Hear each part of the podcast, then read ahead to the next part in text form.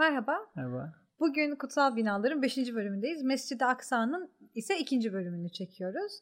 Ee, bugün biraz geçen seferkinden farklı olarak kente şöyle biraz kuş bakışı yükselip bakalım e, diye düşünüyorum.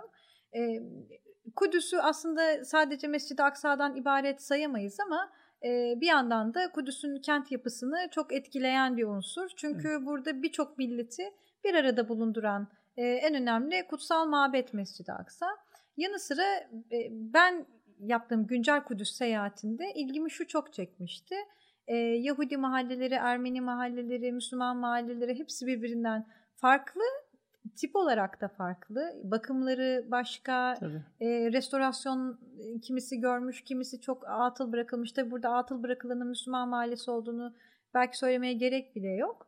E, ama burada e, kentin yapısını çok etkileyen aynı zamanda bir toplumsal e, problem de var ortada. Fakat bu belli ki her zaman böyle değildi. Yani burada bu insanların bir arada yaşadığı günler vardı. Tabii. Şimdi Osmanlı'nın son dönemlerine gidip istersen böyle bir seyyah gibi gezelim. Nasıldı Kudüs? Ee, dediğin gibi hani 1800'lerde hani o zaman imkanları olsaydı bir uçakla helikopterle ya da kuş bakışı şehri yukarıdan izlese şöyle bir manzara görecektik. Bir defa zaten Kudüs dediğimiz zaman bütün klasik dönemlerde eski yüzyıllarda olduğu gibi e, şehir zaten sur içinden ibaret. Sur dışında sadece birkaç mahalle var o kadar. Şimdiki gibi böyle hem sur içi İstanbul'da öyle düşünebiliriz. Eskiden de mesela İstanbul dendiği zaman Suriç anlaşılmış. Hatta İstanbul'a inmek, İstanbul'a gitmek dendiği zaman İstanbul'a geçmek Üsküdar'dan başka yerlerden Suriç'e gitmek olarak anlaşılmış. Aynı mantıkla e, Kudüs'te yukarıdan bakıldığı zaman e, Sur içinde yoğunlaşmış bir nüfustan ve dışarıda birkaç küçük onlardan da tabii çoğu tarihi mahalleler onlardan ibaret. 1860'larda e, Sir Moshe Montefiore diye Kudüs'ün yakın tarihinde önemli bir rolü olan bir e, Siyonist var. Yani o dönemin e, Siyonist finansörlerinden bir tanesi. E, kendisi Kudüs'e gidenler ne demek istediğimi bilecek e, şey yapacaklardır, anlayacaklardır. Hani beraber Kudüs'e gittiğimiz zaman da orada işaret etmiştim. El Halil kapısından çıkıp şöyle hafif e, güneye doğru baktığınızda surlara en yakın olan noktada hemen karşı tepede e, kahverengi çatılı bir ucunda da bir yel değirmeninin bulunduğu bir mahalle var.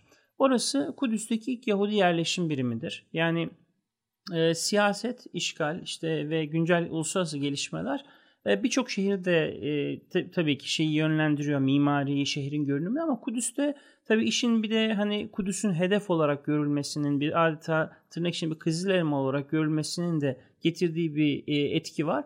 E, dolayısıyla hani şöyle bir genelleme bizi yanlışa sevk eder. Tarih açısından baktığımız zaman işte genelde şöyle bir düşünce var bizde. Belki izleyicilerimizden de bunu düşünenler vardır. Onu da tahsiye etmiş olalım. İşte 2. Abdülhamit düşene kadar hani Abdülhamit'in ta- saltanatı boyunca Osmanlı İmparatorluğu dönemi süresince Kudüs'e hiçbir zaman Siyonistler el süremediler, hiç dokunamadılar, hiçbir şey yapamadılar, gelemediler, yerleşemediler. İşte Sultan Abdülhamit devrilince zaten bunun için devrilmişti. Birdenbire Kudüs'e İngilizlerin de yardımıyla akın ettiler.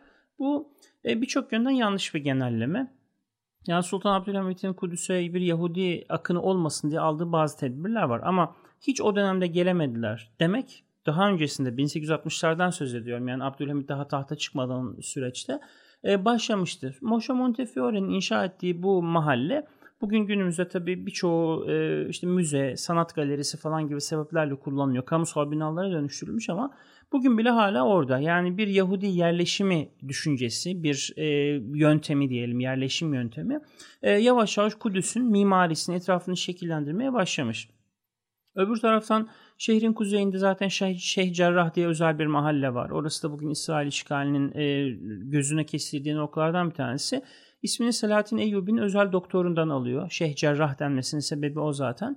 Aynı zamanda kendisi Sufi, e, hani tasavvufla da meşgul olmuş bir zat, alim bir zat ve orada hem camisi hem türbesi var. Şeyh Cerrah Mahallesi de 1800'lerde kuş bakışı Kudüs'e baksak yani 1800'lerin ikinci yarısında e, göreceğimiz dışarıdaki noktalardan bir tanesi. Onun iç kısmında senin ifade ettiğin gibi zaten yüzyıllardan beri beraber yaşayan, e, çeşitli gelişmeleri belki birlikte göğüslemiş olan işte 1099'da Haçlılar geldiği zaman belki hep beraber soykırıma ve katliama maruz kalan birlikteliğini sürdüren bir halk var. Bunun için tabii e, ciddi bir kesim Hristiyan ve e, Müslüman ve çok az bir kesimi de İsrail'in özellikle son dönemdeki siyasetine kadar Yahudi. Günümüzde bile Kudüs sur içine baktığımız zaman dağılım aşağı yukarı şöyle. E, 3, e, 30 bin civarında Müslüman Sur içinde. Yaklaşık 3 bin civarında sabit Yahudi yani şehrin içinde yaşamaya devam eden e, bir birkaç yüzle ifade edilen çok böyle ufak bir rakamda sabit Hristiyan nüfus var. Onun dışında insanlar Kudüs'ün hani beraber de gezerken dikkatini çekmişti bir mimar gözüyle de bakınca özellikle acil durumlarda ambulansların, e, özel araçların ulaşamayacağı derecede şehir zaten girift ve engebeli. Mesela acil bir durumda bir doğum yapmak isteyen bir kadın hastaneye yetiştirilecek olsa, bir kalp hastası hızlı bir şekilde e, hastaneye sevk edilecek olsa çok hızlı hareket etmek imkansız. Yangın olsa. Yangın olsa aynı şekilde. O yüzden mesela böyle acil durumlar için e, bu tarz hareket etme zorunluluğundan dolayı Şehirdeki Müslümanlar tabii e, İsrail'in işgal siyasetine yaramasın diye şehri terk etmek istemiyorlar. Çünkü onlar terk ettiği anda yerleri hemen dolduruluyor. Ama Yahudiler ve Hristiyanlar özellikle Sur içine oturmayı bugün tercih etmiyorlar. Hı hı. 1967'ye kadar e, Yahudi mahallesi, Müslüman mahallesi, Hristiyan mahallesi, Ermeni mahallesi gibi dört şu anki cari olan dörtlü ayrım söz konusu değildi. Çünkü e, 1967'de İsrail şehri işgal edene kadar e, şehirdeki bahsettiğim farklı dini ve e, etnik unsurlar bir arada yaşıyordu. Yani bugün Yahudi mahallesi denen kısımda camilerde vardı. Aynı zamanda sinagoglar da vardı. Yahudi mahallesi dediğimiz kısımda Müslümanlar da yaşıyordu, Yahudiler de yaşıyordu. Müslüman mahallesi denilen kısımlarda Hristiyanlar vardı. Bir bölümde Yahudiler de vardı. Yüzyıllardan beri beraber yaşandığı için. Tabi normal olarak işte herkes kendi dini dindaşlarıyla rahat ettiği için aşağı yukarı bir bölünme vardı. Ama Mesela 1967 öncesinde Kudüs'ü değerlendirirken sınırlarını çizip belli ederek burası Yahudi mahallesi, burası Hristiyan mahallesi, burası Müslüman mahallesi demek mümkün değildi. Peki yani aslında biraz konunun dışında ama bu İsrail hülyası yeni bir hülya mı? Yani zaten din dediğin çok eski bir şey. Yani yüzyıllar öncesine yani, dayanan. Tabii. Hani bu dinle ilişkilendirilen bir e, hülya ya İsrail'in işte buraları e, işgal etmesi, Tabii. yavaş yavaş yerleşmesi, işte o bahsettiğim tohumu atıp sonra gittikçe onu hı hı. köklerini saldırmaya başlaması ne, nasıl bir siyasetin sonucu olarak ortaya Tabii? Siyonizm hani dediğimiz tabii bu hani konumuzun çok dışında bir e, tanım olur. Hani Siyonizmin ülkülerine falan geriye doğru gitmek ama e, tabii e, Siyon tepesi, Siyon dağı dedikleri Kudüs'ün hemen güneyinde bulunan bir noktaya işaret ederek Kudüs'ü bir e, ulaşılması gereken hedef olarak belirlemişler. Yüzyıllardan boyu hatta belki 1000-2000 yıldır bir süreç bu geriye doğru. Tabii geçen e, bölümde de konuştuğumuz gibi Hazreti Süleyman'ın inşa ettiği mabedin ikinci defa milattan sonra 70'te Romalılar tarafından yıkılmasıyla Yahudilerin e, hem e, geçen de gene konuştuğumuz gibi düğündeki hani düğünlerdeki adetlerine varıncaya kadar yansımış bir hedef olgusu var. Hani geçen de konuşuyor kurban ibadetinin bile mesela gerçekleştirilebilmesi Kudüs'ü ele geçirmeyle ve tekrar mabedi inşa etmeyle alakalı. Yani demografik olarak, siyasi olarak, e, psikolojik olarak, duygusal olarak, e, dini olarak yani birçok yönden Yahudilerin benliği yani sadece Yahudilerin de değil genel anlamda dindar Yahudi olması şart değil e, oraya bağlanmış. Mesela İsrail'in kuruluş sürecine baktığımız zaman İsrail'in kuruluşuna öncülük eden e, Yahudi liderlerin işte David Ben Gurion, e, işte sonra Golda Meir, Moshe Dayan gibi birçok isim bunların ateist oldukları artık biliniyor. Yani böyle hani bırakalım e, e, işte dindar bir Yahudi olmayı, Tanrı inançları bile olmayan insanlar. Ama ağlama duvarı dediğin dedikleri o Burak duvarı olarak işte isimlendirdiğimiz e, Müslüman ve Arapların e, o, o nokta mesela e, tamamen aslında çok kuvvetli bir dindarlık gerektiren bir şey. Mesela ağlama duvarı dedikleri yere böyle küçük kağıtlar sokuyorlar bugün. Yılda iki defa o kağıtları toplayıp zeytin dağına gömüyorlar. Hatta bazı böyle meşhur ve gülünç fotoğraflar var. Mesela Amerika'dan arıyor cep telefonuyla ağlama duvarındaki birini. Duvara yapıştırıyor Amerika'daki kişinin konuştuğu cep telefonunu. Kişi mesela orada dua ediyor. Hani bizdeki gibi nerede olursan ol hani Allah Tanrı seni duyar inancı yok. Yani orada hani hatta Tanrı'nın e, kutsal varlığı orada mevcuttur falan deniyor. O Şimdi, kadar lokasyon odaklı bir evet, yani şey ki. lokasyon inanç. odaklı somut bir şey. Yani dolayısıyla mesela Ariel Sharon ki onun da ateist olduğunu biliyoruz bugün artık. Mesela ağlama duvarında dua ederken çok meşhur bir fotoğrafı var. Elini böyle duvara koymuş. Böyle yukarı doğru böyle bakmış. O fotoğrafı kullanabiliriz. Böyle sanki e, öfkeli bir tavır hani. Dua eden bir insan görüntüsü değil o çok belli. Ama anlıyorsunuz ki orada onları birleştiren bir ülkeye dönüşmüş. Bütün bu somut işte ortada gördüğümüz şey. Bugün aynı şekilde İsrail Başbakanı Benjamin Netanyahu da dindar bir Yahudi değil, seküler. Hatta oldukça agnostik falan olduğu da söyleniyor. Hani bilinmezci gibi. Ama bakıldığı zaman Kudüs, işte Kudüs'teki mukaddesat, kutsallar falan filan o tabii kendi siyasetinin altını doldurmaktaki en önemli o, meşruiyet Senin bahsettiğin sembolizm üzerinden çok gelişmiş bir şey. Ben mesela şeyi de çok ilgimi çekmişti. Ee, şimdi bir işte Müslümanların olduğu Aksa'nın biraz daha çevresindeki sokaklar. Yani Müslümanların işlettiği oradaki ticarethaneler ya restoran ya işte böyle ufak tefek hediyelik, satı, eşya, hediyelik eşyalar, baharatçılar vesaire gibi. Bu restoran dediğim de yani çok e, temel ihtiyaçları karşılayacak tabii. düzeyde yerler. E, Yahudi mahallelerine girdiğimizde ya da işte Hristiyan mahallelerinde mesela bir seramik atölyesi görmüştüm. Mesela bir kafe evet. görmüştüm. Bana çok acayip geldi. Üç günü öbür tarafta geçirdikten sonra. Yani burada bir sosyal hayat da var. Öbüründe olmayan şey yani kentleri birbirinden bu şekilde de ayıran birini sadece ihtiyaç duyulan e, şeye sevk eden yani temel gereksinimlere mecbur bırakan diğerine bir sosyal hayat da taşıyan ama bunların arasında 50 metrenin bile olmadığı Tabii. çok ilginç bir yapı. Bir caddeden bir caddeye. Bir caddeden Tabii. ve yani temizlik ya da birinde diğerler Tabii. pisken temizlenmiyorken çünkü bildiğim kadarıyla orada belediye hizmetlerini Tabii kendi imkanlarıyla yapıyorlar kendi Filistinliler. Ee, şimdi e, dediğin gibi ben de mesela ilk Kudüs'e gittiğim zaman 2008 yılındaydı. E, en böyle dikkatimi çeken o farklılıklardı. Ben de hani şimdi birçok Kudüs gezisinde genelde Yahudi mahallesine, Batı Kudüs'e falan geçilmez. Biraz da hani böyle e, ya hem siyasi sebepler hem duygusal sebepler bir bariyer vardır. Ben hep söylerim yani görün yani o farkı görün. Yani aradaki o keskin seni işaret ettiğin o nüans çünkü onu görmemek, ona işaret etmek mümkün değil.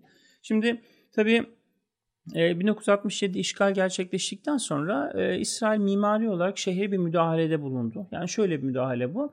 E, bir defa bugün Ağlama Duvarı denilen o alanda çok büyük bir Müslüman mahallesi vardı. Mağripliler Mahallesi deniyor oraya. Hmm. E, Mağripliler Mahallesi e, Selahattin Eyyubi 1187'de Kudüs'ü fethettikten sonra tabi Osmanlı döneminde olduğu gibi iskan siyaseti uyguluyor. E, İslam dünyasının farklı yerlerinden getirip e, orada e, belli milletleri mahallelerde iskan ediyor.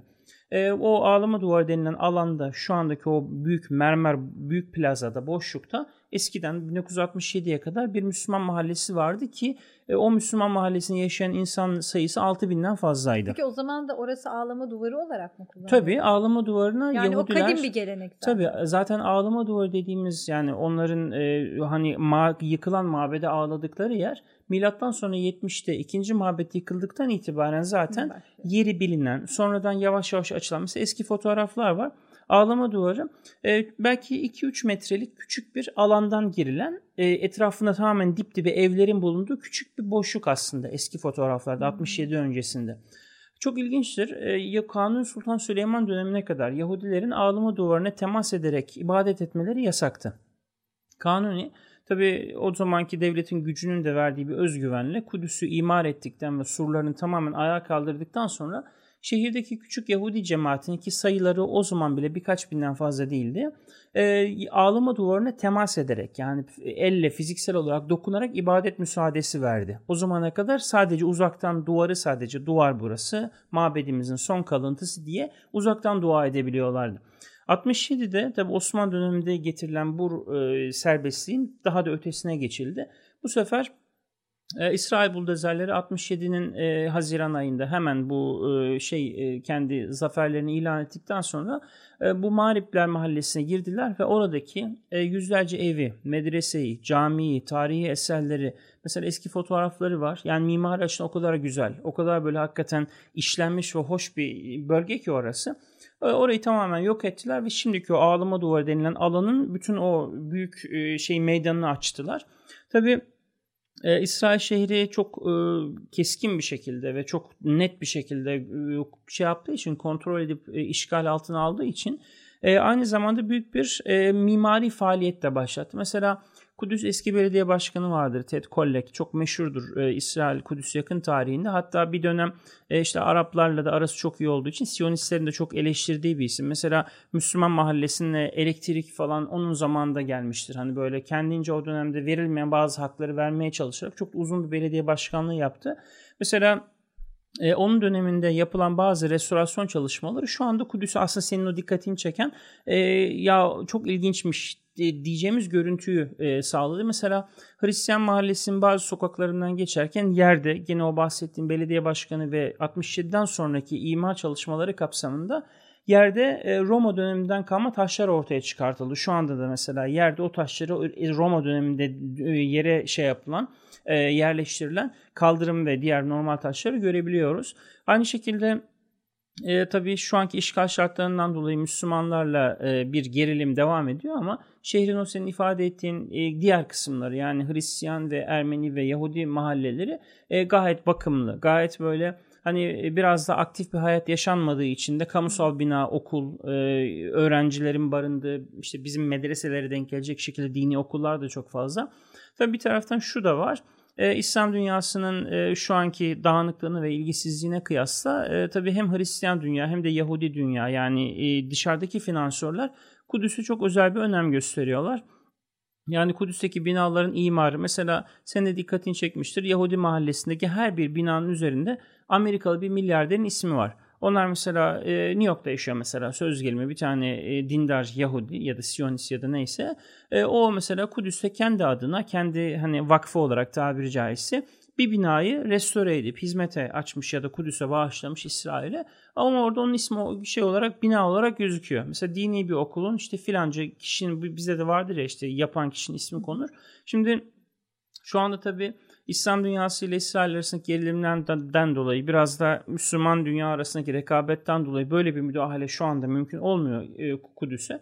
Ama e, hani Müslüman dünyada hani böyle bir e, inisiyatif alabilse işte demin işte bahsettiğimiz o perişan görüntü de belki ortadan kalkabilir. Böyle bir fark da var yani. Yani şöyle bu arada belki biraz tanımlamak açısından aslında senin demin verdiğin bilgi benim için de aydınlatıcı oldu. Neden Sur içinde daha çok Müslüman yaşıyor diye düşünüyordum.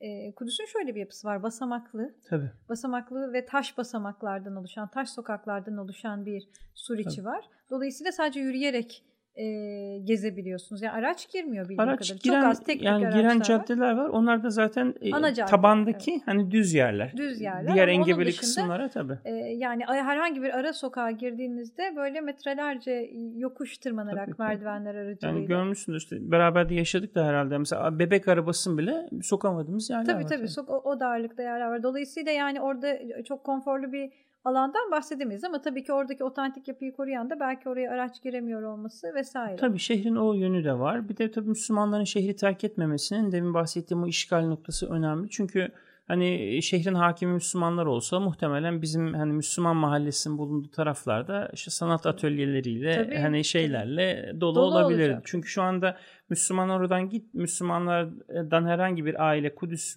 Eskişehir'den çıktığı anda yerine hemen İsrail birini yerleştiriyor. Evet. Siyonist bir aileyi. O yüzden de hani işin o tarafı ister istemez e, şehrin bütün görünümünü etkiliyor. Peki de, geçen programda konuşmuştuk. Yani Aksa'nın işte Mimar Kemalettin tarafından yapılan bir restorasyonu vardı. E, Mescid-i Aksa'nın kontrolü kimde? Yani mesela restorasyonu kim yapıyor? Bugün mimari olarak bir parçası varsayıyorum yıkılsa onu kim tekrardan onaracak? Mesela Türkiye'nin hani Mimar Kemalettin'den e, kaynaklı olarak soruyorum. Burada bir rolü ya da bir dahili var mı? 1994'te e, tabii öncesinde çok kısa bir özet geçelim hani o şehrin geçirdiği aşamalarla ilgili. 1917'de Aralık ayında 11 Aralık hani tam 1917 tarih olarak da verelim. E, İngiliz General Edmund Allenby şehre girdiği zaman artık şehirde yeni bir yönetim başlamış oldu. Yani Osmanlı İmparatorluğu'nun 401 yıl 1916, e, 1516'ın Aralık ayından 1917'nin aralığına kadar tam 401 yıl süren e, hakimiyeti sona ermiş oldu. 1948'in 14 Mayıs'ına kadar şehri İngilizler kontrol etti. Tabii İngilizlerin de mimari açıdan yaptığı bazı değişiklikler oldu. Mesela e, Allenby'nin şehre tam girerken çekilmiş ünlü bir fotoğraf vardır. Böyle El Halil kapısına içeri girerken yürüyerek girer şehre duyduğu saygıdan dolayı. O sırada çekilen kare içeriden dışarıya doğru Allenby'yi gösterecek şekilde arkada da böyle El Halil kapısını gösterecek şekildedir. Duvarlarda Osmanlı'nın yıldızı, ay yıldızlı şeyler hem kale kapısının girişinde hem de binaların yüzünde. Bir de yukarıda bir tane saat kulesi. Sultan II. Abdülhamit'in tahta çıkışının 25. yılında 1903 4 5 6 gibi periyotlarda imparatorluğun çok farklı şehirlerine saat kuleleri inşa edilmişti. Bizim İzmir'deki aynı şekilde günümüzde duruyor. Çorum'da var. E, bildiğim kadar Göynük'te var. Ufak yerlerde bile var. Öbür taraftan e, işte Trablus Şam'da yani Lübnan'da, e, Şam'da aynı şekilde ve e, Kudüs'te ve bugün Filistin başka yerlerinde Nablus'ta falan da var. E, e, o dönemin hatırası duruyor. E, Allenby'nin o çekilen fotoğrafında. İngilizler şehri aldıktan sonra e, şehrin bazı yerlerinde yıkımlar gerçekleştirdiler. E, o saat kulesi de sonradan eklendiği ve şehrin surlarında orijinal olarak bulunmadığı gerekçesiyle yıkılan saat kulelerden bir tanesi. Sonra 1948'de tabi e, İsrail'le e, o dönemde yaşanan ilk savaştan sonra şehrin doğu kısmı yani Doğu Kudüs dediğimiz kısım Ürdün'ün kontrolüne geçti. Ürdün e, Yahudi mahallesindeki iskanı İsrail'le yap, yapılan ilk savaştan sonra biraz e, gevşetti. Yani oradaki Yahudi nüfusunun bir kısmını sur dışına çıkardı. Birkaç tane önemli bina yıktı. E, onlardan bir tanesi Ramban Sinagogu'ydu. Oradaki önemli sinagoglardan bir tanesi. E, sonra 48'den 67'ye kadar geçen süreçte e, şey Mescid-i Aksa'nın e, özellikle kontrolü, işte dediğin gibi mimari açıdan eksikleri vesaire ki bunların en önemlisi 1964-65'te gerçekleştirilen çok kapsamlı bir Kubbetü Sahra şeyidir, restorasyonudur. Biz tabii e, Kubbetü Sahra'yı genelde altın kaplama e, kubbesiyle bildiğimiz için mesela 1963'te, 62'de, 61'de yani Ürdün'ün yönetimi sırasında çekilen bir fotoğraf ki çok fazla fotoğrafı da var e, bir de çoğu siyah beyazda olduğu için biraz da zihnimizde eksiği tamamlayarak onu da altın kaplama zannediyoruz. Halbuki değildi. 1967'ye 60 65-66'ya kadar hani Ürdün yönetimi sonuna kadar e, İsrail e, şey Kudüs'teki o Kubbetü Sahra'nın kubbesi bildiğimiz kıble mescidindeki gibi griydi. Gri. Yani aslında biraz böyle bizim için hayal kırıklığı oluşturacak bir şey. Sonra Ürdün Kralı Hüseyin o dönemde e, restorasyondan sonra bir altın kaplama kubbeyle aslında şimdiki görünümüne kavuşturdu Kubbetü Sahra'yı. 67'den e, işte günümüze kadar e, İsrail'in işgali hala devam ediyor. E, Mescid-i Aksa'nın fiili kontrolü, senin bahsettiğin işte yıkılan yerlerin yapımı, restorasyonu, rutin e, işlemleri Ürdün tarafından gayri resmi sürdürüldü. 1994'te İsrail ile Ürdün arasında bir barış anlaşması imzalandı. Anlaşma çerçevesinde Mescid-i Aksa'nın bütün bakımı, ihtiyacı, onarımı, en ufak bir e, ampulü bile düşse onun yerine takılmasının bütün işleri Ürdün'e devredildi. Yani 94'teki barış anlaşması aslında Ürdün açısından en önemli anlamı Mescid-i Aksa'nın fiilen Sahibi e, ay, evet yani bu da tabii tarihsel olarak bunu e, daha önce de bahsetmiş olabiliriz hatırlayamadım. 1925'te e, Hicaz'dan sürülmüştü Şerif Hüseyin ailesi ki Ürdün malum onların çocukları torunları şimdi. E, aslında İslam dünyasındaki e, manevi denge açısından hani Kabe ile ilgili de bunu söylemiş olabiliriz. Hani Mekke, Medine, Suudilerde eski rakiplerde kalırken 3. mescit İsrail eliyle Ürdün'e verilmiş oldu. Yani Ürdün Krallığı aslında güçsüz. Yani herhangi bir madde, petrol zenginliği olmayan, doğalgaz zenginliği olmayan, kritik sadece konumu itibariyle kritik bir yerde bulunan bir tampon devlet hep söylendiği gibi. Ama Mescid-i Aksa'nın fiili kontrolü Ürdün'e aslında İslam dünyası içerisinde e, güçsüzlüğüyle hiç uygun olmayan bir önem kazandırmış evet, oldu. Yani terazinin öbür kefesine çat diye Ürdün oturmuş oldu. Bugün de mesela e, imamların maaşı, hutbelerin konusu, Mescid-i Aksa'nın etrafındaki bütün bakım, onarım, kapıların açılıp kapatılması, kapıdan iç tarafında bekleyen bekçiler var ya hani dışında İsrail hmm. askerler için. Mesela iç taraftaki görevliler kim olacak, kim seçilecek hepsi Ürdün kontrolünde. O yüzden mesela şu anda biz Türkiye olarak işte TİKA üzerinden vesaire mesela fiili olarak orada bir şey yapmak istesek karşımıza İsrail'den önce Ürdün çıkıyor. Bu genelde bilinmeyen bir şeydir. Muhatabımız Ürdün. Evet Ürdün yani, çünkü fiili olarak. İsrail'in e, gündem olduğu hiçbir konuda Ürdün'den Tabii. bahsedilmez. Tabii. Ee, şimdi bakıldığı zaman hani genelde biz tabii işgal olduğu için ilk önce işgali düşünüyoruz böyle temel muhatabımız olarak ama e, aslında e, biz orada mesela TİKA olarak bir şey yapmak istediğimizde e, fiili olarak İsrail bizi Ürdün'e yönlendiriyor. Hı. Dolayısıyla biz hem TİKA hem oradaki diğer kurumlarımız Yunus Emre ve diğer hani yaptığımız mimari, kültürel, tarihi bütün çalışmalarda aslında oradaki rakip bir devletle muhatap oluyoruz. Bu çok enteresandır. Hani İsrail, İslam dünyasının kendi iç dengeleri açısından mesela Gazze'de de Mısır'la muhatap oluyoruz. Bu da çok enteresandır. Hani oradaki rolü de bize kaptırmak istemeyen Türkiye'ye bir Mısır var. Hani bahsi diğer ama hani dengeleri anlama açısından önemli. Mesela geçen e, birkaç ay önce e, Türkiye'nin e, hemen sur dışında gittiğimiz zaman da görmüş Yusufiye Medre şeyinin mezarlığının dışında Tika'nın yaptığı bir tane restorasyon vardı. O restorasyonun plakası duruyordu. Türk bayrağı Tika falan yazıyordu. Onlar mesela e, birkaç ay önce e, İsrail tarafından paldır küldür o plakalar kaldırıldı. Yani duvarı biz yaptık Türkiye olarak ama dışındaki duvardaki plakalar durmuyor şu anda. Hepsi söküldü, kaldırıldı. Şimdi e, tabii işin bu tarafı da var. Yani orada bir şey yapmak hem çok zor hem de o şeyi bizim yaptığımızı hala orada böyle hani Türkiye olarak ismimizi orada korumamız da çok zor. E, çünkü hani dediğim gibi hem bir Osmanlı mirasının tekrar dönmesi ya da en azından böyle bir e, şeyin en ufak bir şekilde bile böyle ortaya çıkması istenmiyor. Hem de bir taraftan da yani e, İsrail açısından bakıldığı zaman e, partnerin hani kim olacağı noktasında bir seçim de var. Hani Tabii, burada mesela neden, Ürdün. Neden Ürdün'ü seçmesi? Tabii. Ama Ürdün Mescid-i Aksa'nın Tabii. sadece yani oradaki Müslüman mahallelerin vesaire değil. Oraya da e, gayri resmi olarak mesela e, oradaki işte maddi yardımların organizasyonu mesela bugün Kudüs'e yardım göndereceksiniz mesela para göndereceksiniz diyelim e, dediniz ki ya işte oradaki kardeşlerimize ya da Müslümanlara yardım gönderelim. E, sizi hemen resmi bir kurum Ürdün'deki bir bankaya yönlendiriyor. Hmm. Parayı Amman'a gönderiyorsunuz Amman'dan geliyor. Dolayısıyla parayı gönderdiğiniz kurum onun İsrail tarafından tanınmış olması paranın oradan sağ salim Kudüs'e girebilmesi Ürdün İsrail koordinasyonunun fi- fiili bir sonucu. Hani aslında her şey birlikte koordine ediliyor. Her şey İsrail kontrolünde tabii ki. Evet. Osmanlı'nın son döneminde e, o, gücü azalınca burada hani senin geçen e, konuşmada da bahsettiğin Kudüs'te herkesin bir iz bırakma telaşı ve yarışı vardı. Burada yapısal anlamda da biraz vücut buldu. Yani e, bir sürü milletten bir sürü mesela e, Rus kubbeli bir kilise var orada. Evet, soğan kubbeli. Soğan tabii. kubbeli evet ondan da bahset. Ee, şimdi yani demin konuştuğumuz noktaya tekrar gelelim. 1800 diyelim ki 80'de, 1890'da diyelim. Hani işte 2. Abdülhamit dönemi ya da 1900 diyelim hani ot- otomatik olarak. Ee, tekrar kuş bakışı baksak hakikaten Kudüs'te dediğin gibi mimari açıdan bile dikkatimizi çekecek böyle bir çeşitlilik görüyoruz. Daha önceki yüzyıllarda olmayan. Neden? Çünkü 1800'lerden itibaren özellikle 1800'lerin ikinci yarısına itibaren Kırım Savaşı ve sonrası özellikle tabii Osmanlı bir taraftan e, Rusya ile bir taraftan işte çeşitli batılı ülkelerle bir taraftan e, Balkanlarda çıkmaya başlayan isyanlarla falan filan böyle uğraşırken e, doğal olarak o dönemin uluslararası büyük devletleri gözlerini Kudüs'e dikiyorlar. Nihayetinde imparatorluğun yıkılacağına ya da dağılacağına dair henüz bir işaret yok ya da bir somut bir e, süreç öngörmek çok zor. Ama e, devlet zayıfladıkça ya da başka yerlerle ilgilenmek durumunda kaldıkça e, diyorlar ki biz Kudüs'ten bir pay alalım. Çünkü Kudüs bugün e, bütün Hristiyan mezheplerinin, bütün farklı görüşleriyle beraber Yahudiliğin bütün kollarının ve Müslümanların hepsinin gözün diktiği bir yer. En azından dini metinlerden tarihi süreçlere kadar herkesin mutlaka orada olmak isteyeceği bir yer.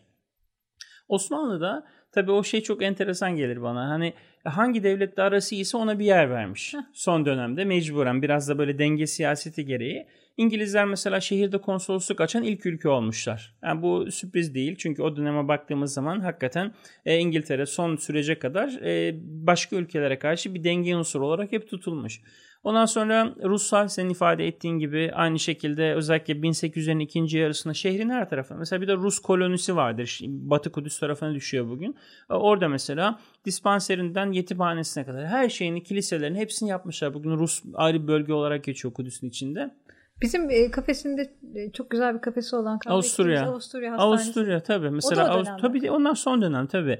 Mesela bugün e, bak bakıyorsun e, işte şehrin güneyinde Nebi Davut kapısı, Yahudilerin Sion kapısı dedikleri güney kapısından çıktığında orada mesela Alman İmparatoru 2. Wilhelm'in e, şey yaptığı, e, finanse ettiği, e, kendisinin müsaadesini aldığı binalar var. Aynı şekilde gene Zeytin Dağı'nın üst tarafında şehrin neredeyse bütün fotoğraflarını giren meşhur kulesiyle ki o kuleden e, Fahri Rıfkat ayında Zeytin Dağı sırasını yazdığı süreçte işte Kudüs seyretmişliği vardır. O kitapta da geçer. E, Augusto Victoria Hastanesi mesela. Hem hastane hem kilise hem misafirhane. Çok geniş bir kompleks orası bir taraftan. E, şimdi bugün bile şeyi takip edebiliyorsunuz. Yani Osmanlı İmparatorluğu'nun e, mesela Almanlarla iyi oluyor. Alman İmparatoru 2. Wilhelm geliyor mesela. Alman İmparatoru 2. Wilhelm mesela şehrin mimarisini direkt etkilemiş mesela o ziyaret. Neden? E, şehre tabii o zaman e, otomobil girişleri ve e, normal e, resmi heyet girişleri e, El Hel kapısından yapılıyor batıdaki girişten. Tabii imparator at üzerinde şehre yabancı bir hükümdar olarak girerse bu fetih demek. Yani fiil bu bir protokol açısından bir skandal. E, o yüzden e, arabalar rahat bir şekilde girsin böylece hani orta bir çözüm yolu bulunsun diye e, 2. Abdülhamit döneminde şehrin surlarının o kısmı yıktırılarak içeriye giren bir otomobil yolu yapılıyor. Mesela bugün de Ömer bin Hattab Meydanı hani o gezdiğimiz yer bugün orası da a, araç girişlerinin olduğu yerlerden bir tanesi. Bu arada demin şey dedin at üzerinde bir hükümdarın şehre girmesi fetih demek. Böyle bir sembolizmi var. E tabii yani sonuçta yabancı bir hükümdar bir şehire girerken at üzerinde girmesi yani e, eski dönem algısı açısından hmm. söylüyorum tabii. O yüzden mesela şimdi Elhel kapısının şimdiki gördüğümüz görüntüsü de mesela direkt Osmanlı İmparatorluğu'nun son döneminde Almanlarla e, çok iyi olmamızın bir şey. Bugün mesela Sultanahmet'te biliyorsun Alman çeşmesi var. Hı hı. Ee, çok ilginç mesela e, 2. Wilhelm Alman İmparatoru 1898'de bir, çok meşhur bir bütün Orta Doğu'yu kapsayan bir seyahati vardır. O seyahatinde her gittiği yere eser serperek gitmiş. Çok ilginç mesela Şam'a e, gidiyorsun. Emevi Camisi'nin yakınında yanında hemen kuzey tarafında Selahaddin Eyyubi'nin şeyi var, türbesi var. Türbede iki tane sanduka var ayrı ayrı. Şimdi Said Ramazan Buti de gömüldü. Üç oldu da yani iki tane vardı 2013'e kadar.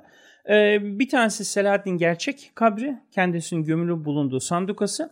Yanında da mermer sanduka üzerinde yazıyor. İkinci Wilhelm tarafından hediye edilmiştir. Gidiyorsun Kudüs'e aynı şekilde Augusto Victoria, Augusto Victoria zaten e, imparatorun karısı, imparatoriçenin adı. E, kiliseler, hastaneler, işte yetimhaneler, o dönemin e, işte bir takım hayır müesseseleri, tabii okullar aynı şekilde.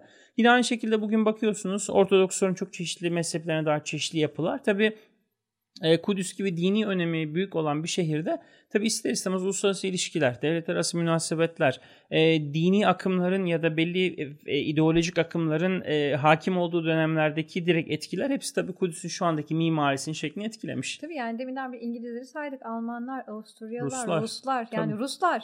Tabii. O kadar ilginç ki normalde Kudüs'le ilişkilendirmeyeceğimiz bir millettir aslında. Tabii. Şeyde hani gördük ya Zeytin Dağı tarafına geçince mesela evet. orada devasa bir tane kilise tabii. Evet soğan kubbeyi. Zaten Hı. bakınca yani ben Moskova'dan geldim diyor. Tabii tabii. Neredeyse. tabii aynen konuşan mimari. Konuşan mimari. Şimdi e, bir olay var aslında yıl dönümü de geliyor 21 evet. Ağustos e, bir yangın. Evet. Ondan bahsedebilir miyiz? Mescid-i Aksa'nın yani Mescid-i Aksa içindeki Kıble Mescidi'nin yakılması 21 Ağustos 1969'da tabi işgal 1967'de gerçekleştiğine göre işgalden 2 yıl sonra e, İslam dünyası açısından ikinci bir travma. Yani 67'de işgal gerçekleşince zaten bütün hani hem Orta Doğu hem İslam dünyası açısından hani İslam'ın ilk kıblesi, Müslümanların üçüncü kutsal mekanı Kabe ve Mescid-i Nebevi'den sonra işgal altına giriyor. Bir de aynı zamanda e, işgal altına giren o, o mescidin, o mekanın yakılması. Yani travma üzerine travma. Tabii e, ilk duyulduğu zaman haber çok ilginçtir. O dönemin böyle hatıraları, bir takım böyle şahitliklerini falan böyle uzun uzun okumuştum. Orada çok ilginç. E, yakan kişi Avustralyalı, yani dünyanın öbür ucundan gelmiş bir Hristiyan. Deniz Rohan isimli. E, ve çok ilginç. E, yangına giden süreçte, önceki haftalarda El Halil'de kalıyor. Orada biraz böyle çevreyi tanıyor. Geliyor Kudüs'te Mescid-i Aksa'nın hemen yakında bir tane motele yerleşiyor. Orada kalıyor. Müslümanlarla dostluk kuruyor. Aksa'nın her yerini geziyor. Tabi işgal... Hristiyanlar gezebiliyor mu Aksa'yı? Tabii tabii Hristiyanlar 2000 yılına kadar ve Yahudiler Aksa'yı gezebiliyorlardı. 2000 yılının Eylül'ünde e, Ariel Sharon Aksa'yı o ünlü e, provokatif ziyaretini gerçekleştirdikten sonra ziyaretler kısıtlandı. Önceden hatta ağlama duvarı dedikleri batı tarafından e, biletle giriş vardı. Herhangi bir hmm. müzeye giriş gibi 2000 yılına kadar yakın bir tarih yani. O zaman da vardı. Tabi 69'daki o atmosferde şöyle bir şey de vardı Müslümanlar açısından bakılınca. Yani batılı bir turist bize ilgi gösteriyor. Hani bizi seviyor, bize yakın ve aksan her yerini gezdiriyorlar adama. Çok ilginçtir yani hani dışarıdan bakılınca böyle birdenbire olmuş bir olay gibi anlatılıyor ama geriye doğru okuma yapınca çok ilginç bir arka planı da var. Adam adeta nereyi nasıl yakacağını, nereye ne atacağını, nereye yakarsa daha fazla zarar verebileceğini görerek, e, yaşayarak öğreniyor. Sürekli Müslümanların rehberliğinde. Evet yani ama şimdi o, tabi o dönem kimseyi suçlamak da mümkün tabii. değil. Çünkü ne bilebilirsin tabii. yani ve hani Yahudiler işgal altına almışlar şehri. Öbür taraftan böyle dilinden güzel sözcükler dökülen bir Hristiyan genç bir turist size yaklaşıyor falan. Bir de belki şeyi de söylemek lazım. E, Kudüs'te Hristiyanlarla Müslümanların ilişkileri ezelden beri iyi. Bugün tabii, hala tabii, iyi. Bugün de Birbirlerinden aynen. kardeşlerimiz diye bahsediyorlar ve Yahudiler Müslümanlara yönelik e, sert tavırlar aldığında baktığında e, Hristiyanlar Zaten hemen Hristiyanlara da zarar veriyor İsrail tabi. O, o şerhi de tabii düşmüş olalım. E, tabii yabancı bir turist o dönem şartlarında gelince çok daha dikkat çekiyor falan. Sonra e, adam şeyi görüyor. Kıble Mescidinin içinde asıl kıymetli şeylerin olduğu. Çünkü Selahaddin minberi orada e, birçok böyle kıymetli yüz, yüzlerce yıllık eser falan duruyor. Ve e, işte kendisi 21 Ağustos 1969 sabahı e, o hazırladığı benzinli bidonlu düzenekte Aksa'nın o kısmını yani Kıble Mescidi'ni ateşe veriyor. E, yaktıktan sonra çok enteresan. Bütün hani sen de gördün en güneyden en kuzeye kadar dışarı çıkıyor elini kolunu sallayarak milletle selamlaşarak. Çünkü yangın içeride yavaş yavaş büyüyor. Ve kimse onunla bir şey yapmıyor. Ondan bilmiyor yani. Çünkü adam dost yani kardeş nasıl şüphelenebilirsin. Dışarı çıkıyor ara sokaklarda izini kaybettiriyor. Ondan sonra içeriden bir tane çocuk harik harik yangın yangın diye bağırarak kapıya kadar geliyor. Bütün avlu kocaman zaten. Ve Müslümanlar yetişip dışarıdan da itfaiyedir, su bidondur, odur budur, yangın söndürücüler diye yetişene kadar zaten Selahaddin'in minberi, birçok böyle kıymetli eşya hep zaten kül oluyor.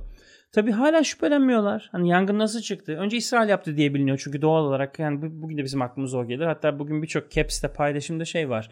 İşte İsrail tarafından yakın. İsrail tarafından yakılmıyor. Tamam ihmal var. Başka şeyler var ama işin bir de arka planında böyle bir hikaye var. Ondan sonra e, yaklaşık iki gün sonra bir tane kibutsa sığınıyor adam. Yani İsraillerin o komün hayatı yaşadıkları çiftlikler var ya. Ve e, şahitlikler ya bu mu yaptı acaba olabilir mi ki? Hep buradaydı falan diye böyle konuşularak adamın izi bulunuyor. Sonra yargılanıyor. İsrail e, bunu uzun bir süre İsrail'de tutuyor. Daha sonra kendisi ülkesine psikolojik rahatsız olduğu teşhisiyle iade ediliyor. 2016 ee, gibi yakın bir tarih olabilir. Ee, yakın zamana kadar öldüğü düşünülüyordu Deniz Rohan'ın. Sonra Avustralya'da hala yaşadığı da ortaya çıktı bugün. Hani işin böyle trajik hiçbir tarafı. ceza almadan. Hiçbir ceza, hiçbir yaptırım yok. Ve psikolojik rahatsız diyerekten de İsrail tarafından ülkesine iade edildi. Tabii hani mimari ve tarihi açısından açıdan düşündüğümüz zaman bu yangının hani işin siyasi ve psikolojik travma tarafı ayrı gerçekten çok büyük bir e, şeyi oldu. Hani yeri doldurulamaz bir kaybı oldu. Demin ifade ettiğim gibi Selahaddin Eyyubi'nin 1187'de şehri fethettiği zaman bizzat kendisini Halep'te yaptırıp Halepli ustalara yaptırıp getirmiş olduğu o inanılmaz güzel iki minber kül oldu.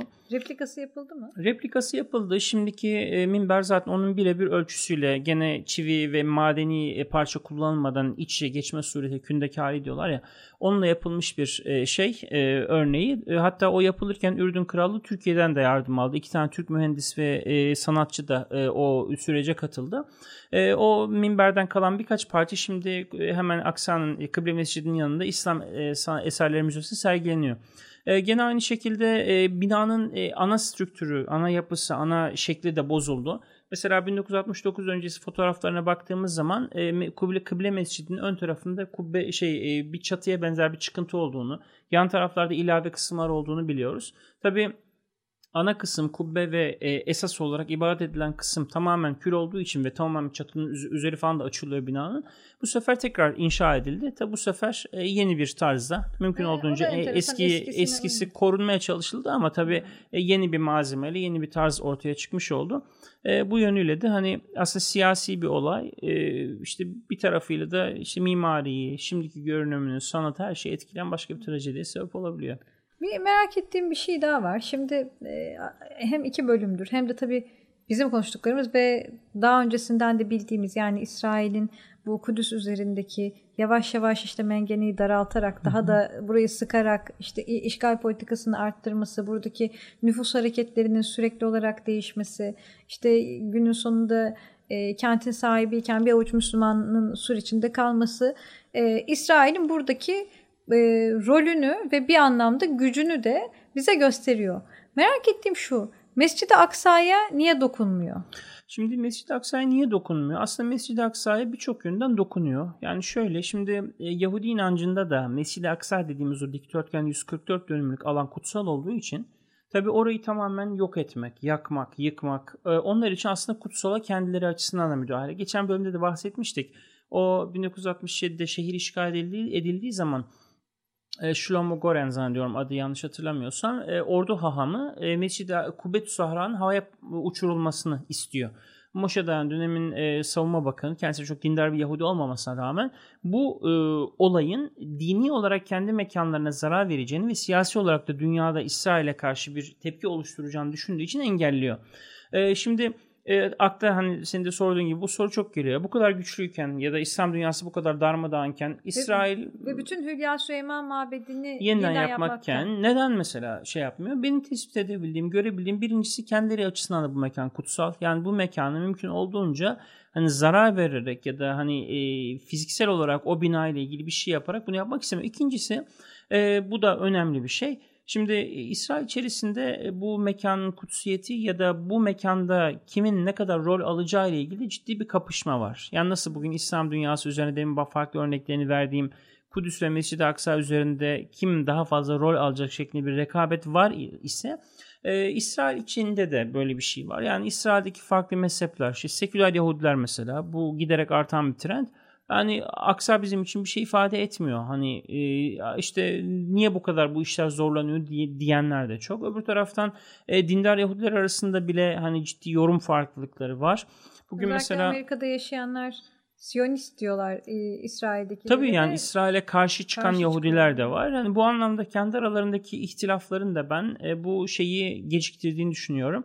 Üçüncü bir şey işte Ürdün gibi, Mısır gibi şimdi Birleşik Arap Emirlikleri de bu denkleme ekleniyor.